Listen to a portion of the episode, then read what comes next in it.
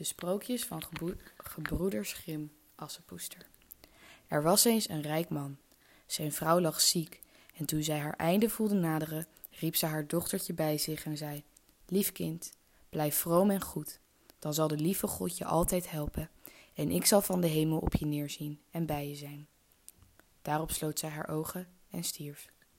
Het meisje ging elke dag naar het graf van haar moeder en schreide daar en zij bleef vroom en goed. Toen het winter werd, spreidde de sneeuw een blank dek op het graf. En toen de voorjaarszon het er weer af had genomen, nam de man een tweede vrouw. De vrouw had twee dochters mee ten huwelijk gebracht. Ze hadden mooie blanke gezichten, maar ze waren lelijk en zwart van haar. Een kwade tijd werd het voor de arme stiefkind. Moet die domme gans bij ons binnen zitten, zeiden ze zusjes. Weg met die keukenmeid. Ze namen haar mooie kleren weg, troffen haar een grauwe kiel aan en klompen. Kijk eens naar die trotse prinses. Ziet ze er niet vrij uit? riepen ze en ze lieten haar in de keuken blijven. Daar moest ze van de ochtend tot de avond zwaar werk doen, voor dag en dauw opstaan, water dragen, vuur aanmaken, koken en wassen. Bovendien trachten de zusters haar alle denkbare verdriet aan te doen. Ze bespotten haar en gooiden erwten en linzen in de as, die ze er dan weer uit moest vissen. Als ze s'avonds moe gewerkt was, mocht ze niet naar bed. Ze moest naast de haard in de as liggen. Ze was altijd stoffig en vuil en daarom noemden ze haar Assepoester. Het gebeurde eens dat de vader op reis moest. Hij vroeg de twee stiefdochters wat ze wilden en dat hij dat dan voor hem meebracht. Mooie kleren, zei de eerste. Parels en edelstenen, zei de tweede. En jij, Assepoester, vroeg hij, wat wil jij hebben? Vader, als u op terugreis een takje tegen uw hoed stoot, breng dat dan voor me mee. Hij kocht voor de beide stiefzusters mooie kleren, parels en edelstenen. Op de terugweg reed hij door een bos. Daar zwiepte een tak van, van een hazelaar tegen zijn hoed en stootte die van zijn hoofd. Die tak brak af en hij nam hem mee.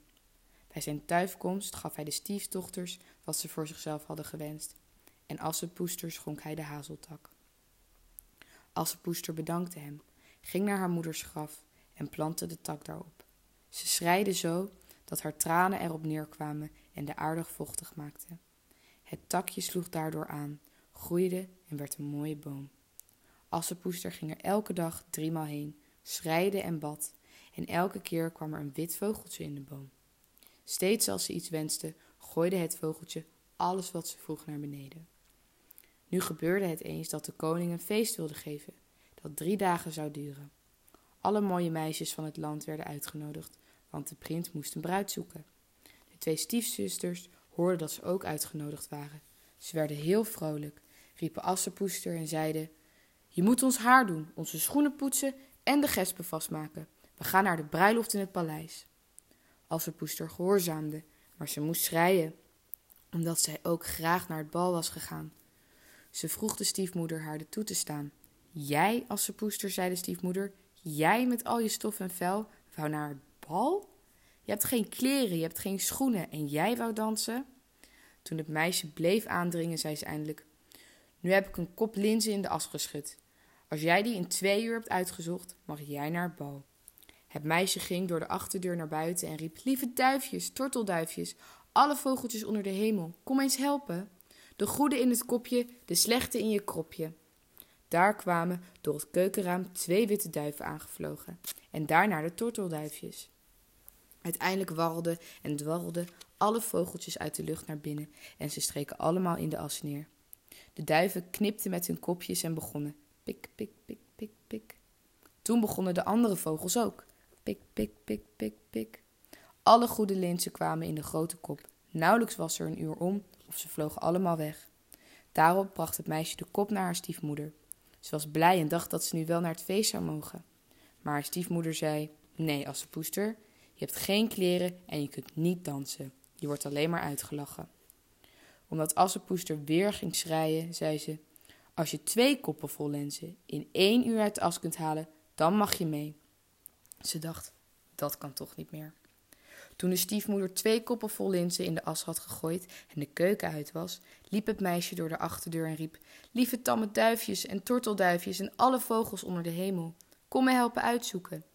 De goede in het kopje, de slechte in je kropje. Daar kwamen door het keukenraam twee witte duifjes naar binnen en daarna de tortelduifjes. Uiteindelijk warrelden en dwarrelden alle vogeltjes naar binnen en streken neer in de as. En de duifjes knikten met hun kopjes en begonnen van pik, pik, pik, pik. En toen begonnen de andere vogels ook van pik, pik, pik, pik. Alle goede lens, linzen zochten ze uit en ze legden de twee in de grote koppen. Voor een half uur om was, waren ze alweer klaar en vlogen naar buiten. Het meisje droeg de koppen naar haar stiefmoeder. Ze was blij en dacht dat ze nu wel naar het bal mocht. Maar haar stiefmoeder sprak: Het helpt je toch niets. Je mag niet mee, want je hebt geen kleren en je kunt niet dansen en we zouden ons voor je schamen. Nu was er niemand meer thuis. Assepoester ging naar haar moeders graf onder de hazelaar en riep: Boompje, schud u heen en weer, werp goud en zilver op mij neer. Het witte vogeltje gooide een goud met zilveren baljurk naar beneden en met goud en zilver bestikte schoentjes. In allerijl maakte ze zich klaar. Ze trok het gewaad aan en ging naar Paul. De zuster en de stiefmoeder herkenden haar niet. Ze dachten dat zij een vreemde prinses was. Zo mooi zag ze eruit in haar gouden gewaad. Aan Assepoester dachten ze helemaal niet. Ze meenden dat ze thuis net stof zat en linzen uit de as viste. De zoon van de koning kwam Assepoester tegemoet, nam haar bij de hand en danste met haar. Hij wilde met niemand anders dansen. Hij liet, haar zel hij liet zelfs haar hand niet los.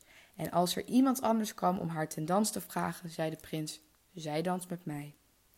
Ze dansten tot de avond. Toen wilde Assepoester naar huis. Maar de prins zei: Ik ga mee om u thuis te brengen. Hij wilde zien waar het mooie meisje woonde, maar ze ontglipte hem en sprong in de duiventil. De prins wachtte tot zijn vader kwam en zei toen dat het onbekende meisje in de duiventil gesprongen was. De koning dacht: Zou het Assepoester zijn? Wij moesten hem bijl en houweel brengen, zodat hij de duiventil kon omhakken, maar er zat niemand in. Toen de anderen thuis kwamen, lag Assepoester in haar vuile grauwe kiel in de as. Op de schoorsteen brandde een olielichtje. Assepoester was namelijk aan de achterkant uit de duivendeel gesprongen en naar de hazelaar geslopen. Daar had ze de mooie kleren uitgetrokken en op het graf gelegd.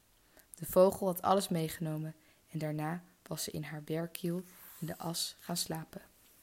De volgende dag begon het feest opnieuw. Zodra de ouders en de stiefzusters weer weg waren, ging Assepoester naar de hazelaar en riep: Boompje, schud u heen en weer, werp goud en zilver op mij neer. Het vogeltje gooide een gewaad naar beneden dat nog veel prachtiger was dan dat van de vorige dag. Toen ze hiermee op het bal kwam, was iedereen verbijsterd door haar schoonheid. De prins had gewacht tot zij kwam. Hij greep haar hand en danste alleen met haar. Als er anderen kwamen en haar ten dans vroegen, zei de prins: Zij danst met mij. Zodra het avond werd, wilde ze weg. De prins liep haar na en wilde zien waar ze naar huis ging, maar ze sprong weg in de tuin achter het paleis. Daar stond een mooie grote boom met heerlijke peren. Zo vlug als een eekhoorntje klom ze tussen de takken omhoog. De prins kon niet zien waar ze was. Hij wachtte tot de koning kwam en zei tegen hem: Het vreemde meisje is me ontsnapt en ik dacht dat ze in de perenboom klom. Zijn vader dacht: Zou het assenpoester zijn? Hij liet een bel halen en hakte de perenboom om, maar er zat niemand in. Toen de anderen thuis kwamen, lag zij in de keuken als altijd. Ze had zich aan de andere kant van de boom naar beneden laten glijden, haar mooie kleren bij het vogeltje in de hazelaar gebracht en het grauwe kieltje weer aangetrokken. Op de derde dag gingen de anderen in huis weer naar het feest. Assepoester liep opnieuw naar haar moeders graf en zei tegen het boompje: Boompje, schud u heen en weer, werp goud en zilver op mij neer. Nu wierp het vogeltje een prachtig glanzende dansjurk naar beneden, zo mooi als ze nog nooit gezien had, en de schoentjes waren helemaal van goud. Toen ze zo gekleed op het bal kwam, wist niemand zijn bewondering onder woorden te brengen. De prins danste alleen met haar en als iemand anders kwam, zei hij: Zij danst met mij. S'avonds wilde Assepoester weg en de prins wilde haar naar huis begeleiden. Ze ontglipte hem zo snel dat hij haar niet meer zag. Maar de prins had een list gebruikt en de hele trap met pek laten bestrijken. Haar linkerschoen was bij het wegvluchten op de trap blijven steken. De prins vond de schoen, klein en sierlijk en van zuiver goud. De volgende morgen ging hij naar de koning en zei: Niemand wordt mijn vrouw dan wie dit schoentje past. De beide zusters waren al blij, want ze hadden mooie voeten. De oudste ging met de schoen naar binnen en wilde hem passen, en de moeder stond erbij. Ze kon er met haar grote teen niet in. Toen gaf de moeder haar een mes en zei: Snijd die teen af. Als je koningin bent, hoef je toch niet meer te lopen. Het meisje sneed de teen af. dwong de voet in het schoentje, verbeet haar pijn en ging naar de prins. Toen nam hij haar als bruid op het paard en reed met haar weg. Maar ze moesten voorbij het graf. Twee duifjes zaten in de hazelaar en riepen: Roekedoekedoe, roekedoekedoe. Er is bloed in de schoen. Deze schoen is veel te klein. Zal de echte bruid niet zijn. Toen keek hij naar haar voet en zag er bloed uit de schoen liep. Hij wendde zijn paard, bracht de onechte bruid naar huis en zei: Dat was de goede niet. De andere zuster moest het maar eens proberen. Deze ging naar binnen en het teende paste erin, maar de hiel was te groot. De moeder reikte haar mes en zei: Snij een deel van je hiel weg. Als je koningin bent, hoef je toch niet meer te lopen. Het meisje sneed een stuk van haar hiel af, perste de voet in de schoen, verbeet haar pijn en ging naar de prins. Hij nam haar als bruid voor op het paard en reed met haar weg. Toen ze langs de hazelaar kwamen, zaten daar de twee duifjes in die riepen: Roekedoekekoe, roekedoekekoe. Er is bloed in de schoen. Deze schoen is veel te klein. De echte bruid zal hier niet zijn. Hij keek naar haar voet en zag dat er bloed uit de schoen liep en dat haar witte kous vol bloed zat. Daarom wendde hij zijn paard en bracht de verkeerde bruid naar huis terug. Dit is ook de goede niet, zei hij. Is hier geen andere dochter? Nee, zei de man. Alleen is er van mijn overleden vrouw nog een klein stumperig assenpoestertje. Die kan het onmogelijk zijn. De prins zei dat, dat ze haar naar hem moesten brengen, maar de moeder protesteerde.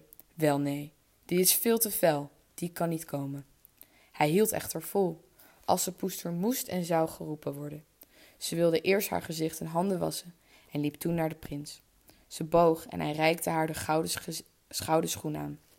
Assenpoester ging op een bankje zitten, deed de lompe klomp af en stak haar voet in het schoentje dat als gegoten zat. Ze stond op, keek de prins aan en zo herkende hij het mooie meisje dat met hem had gedanst. Hij riep: Dit is de echte bruid. De stiefmoeder en de beide zusters verbleekten van boosheid, maar hij nam Assepoester op zijn paard en reed met haar weg. Toen ze de hazelaar voorbij reden, riepen de twee witte duifjes: Roekedoekekoe, roekedoekekoe. Geen bloed in de schoen, deze schoen is niet te klein, dit moet wel de ware zijn. Nadat ze dat gekoerd hadden, kwamen ze aangevlogen en gingen bij Assepoester op de schouder zitten, de ene rechts, de ander links, en daar bleven ze zitten. Toen de bruiloft gehouden werd, kwamen de twee stiefzusters. Ze wilden meedelen in haar geluk. De bruidstoet trok naar de kerk, waar de oudste rechts en de jongste links van de bruid ging zitten. Daar pikten de duiven van elk één oog uit. En toen ze uit de kerk kwamen, pikten de duiven ieder het andere oog uit. Zo werden ze door hun lelijk gedrag en hun valsheid met levenslange blindheid gestraft. Het einde.